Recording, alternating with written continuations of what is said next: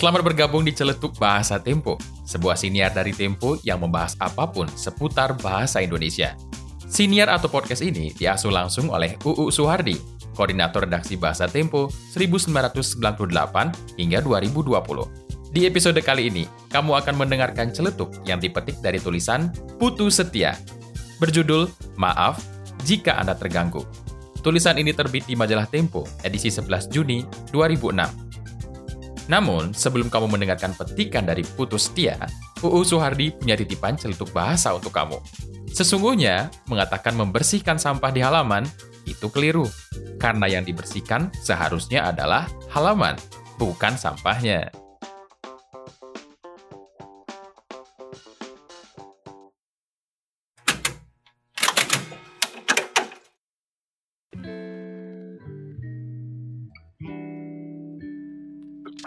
Berjalan-jalan keluar rumah bisa sangat membesarkan hati. Soalnya, bangsa kita ternyata sangat sopan. Berbeda kalau mengurung diri di kamar sambil menonton televisi. Yang tampak malah wajah beringas bak kerasukan setan. Orang saling lempar batu lah, bakar ban mobil di jalanan lah, pagar gedung dirobohkan lah, atau taman kota yang dihancurkan. Tapi, kalau jalan-jalan keluar rumah, kita bisa menemukan berbagai ajakan sopan. Misalnya, maaf, perjalanan Anda terganggu, ada perbaikan jalan. Sapaan di tulisan itu sangat manis, bukan? Para pekerja yang bersusah payah memperbaiki jalan ternyata meminta maaf kepada kita yang sedang lewat. Padahal, kita sering tidak peduli bagaimana merawat jalan. Tulisan sopan lainnya, terima kasih anda tidak membuang sampah di sini. Ternyata, hanya dengan tidak membuang apa-apa, kita sudah mendapatkan terima kasih. Ada dua pola besar cara mengingatkan, yakni menggunakan ungkapan terima kasih dan maaf. Jika didahului terima kasih, sering kali yang disasar adalah kebalikannya. Contohnya, terima kasih Anda tidak merokok di ruangan ini. Penekanannya adalah tidak merokok. Lalu, ketika pintu mal ditempeli tulisan, "Terima kasih, Anda tidak mendorong pintu ini." Penekanannya adalah tidak mendorong, tapi menariknya. Saya sebenarnya sudah lama kagum bahwa masyarakat kita ternyata gemar menggunakan bahasa Indonesia yang baik dan benar. Pada suatu ketika, saya membaca koran terbitan Denpasar. Isinya mengecam PLN yang menulis peringatan hati-hati ada penggalian listrik. Tidak ada orang menggali listrik. Yang ada ialah orang menggali tanah untuk menanam kabel listrik. Lalu entah karena surat pembaca itu atau bukan, PT Telkom kemudian banyak menulis peringatan. Maaf, ada penggalian tanah untuk memasang jaringan telepon. Menarik bukan? Nah, kalau sempat berjalan-jalan di Bali, kamu mungkin akan melihat banyak papan peringatan bertuliskan Maaf, ada upacara adat. Maaf, ada salat Jumat. Maaf, jalan sedang diperbaiki. Dan masih banyak papan maaf lainnya dengan menyertakan logo-logo sponsor.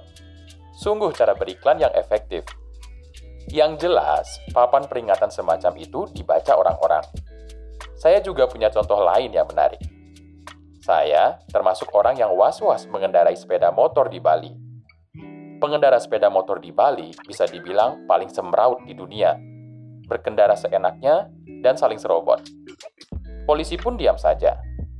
Tapi uniknya, di ruas jalan tertentu, pengendara bisa tertib. Kenapa? Karena di situ ada tulisan, Anda memasuki wilayah tertib lalu lintas. Saya berpikir, kenapa tidak semua jalan saja diberi peringatan seperti itu? Hmm, Lalu, apakah peringatan berbahasa sopan selalu lebih efektif dibanding bahasa yang tanpa basa-basi dengan kata-kata yang panjang? Saya belum mendengar ada penelitian soal ini. Tapi teman saya pernah bercerita begini. Sudah lama dia menulis di belakang tembok pura keluarganya dengan kalimat, "Maaf, jangan kencing di sini." Namun, tetap saja bau pesing tercium saat dia bersembahyang. Dia pun kemudian mengganti kalimat itu menjadi, "Maaf, yang kencing di sini hanya anjing." Apa yang terjadi? ternyata bau pesing itu hilang. Dan syukurnya anjing tak belajar bahasa Indonesia. Kalau mereka mengerti, area belakang pura bisa jadi markas kencing para anjing. Sebelum celetuk kali ini kita tutup, menurut UU Suhardi, ada setidaknya tiga kata sakti yang mudah keluar dari mulut seseorang yang rendah hati, yaitu tolong, terima kasih, dan maaf.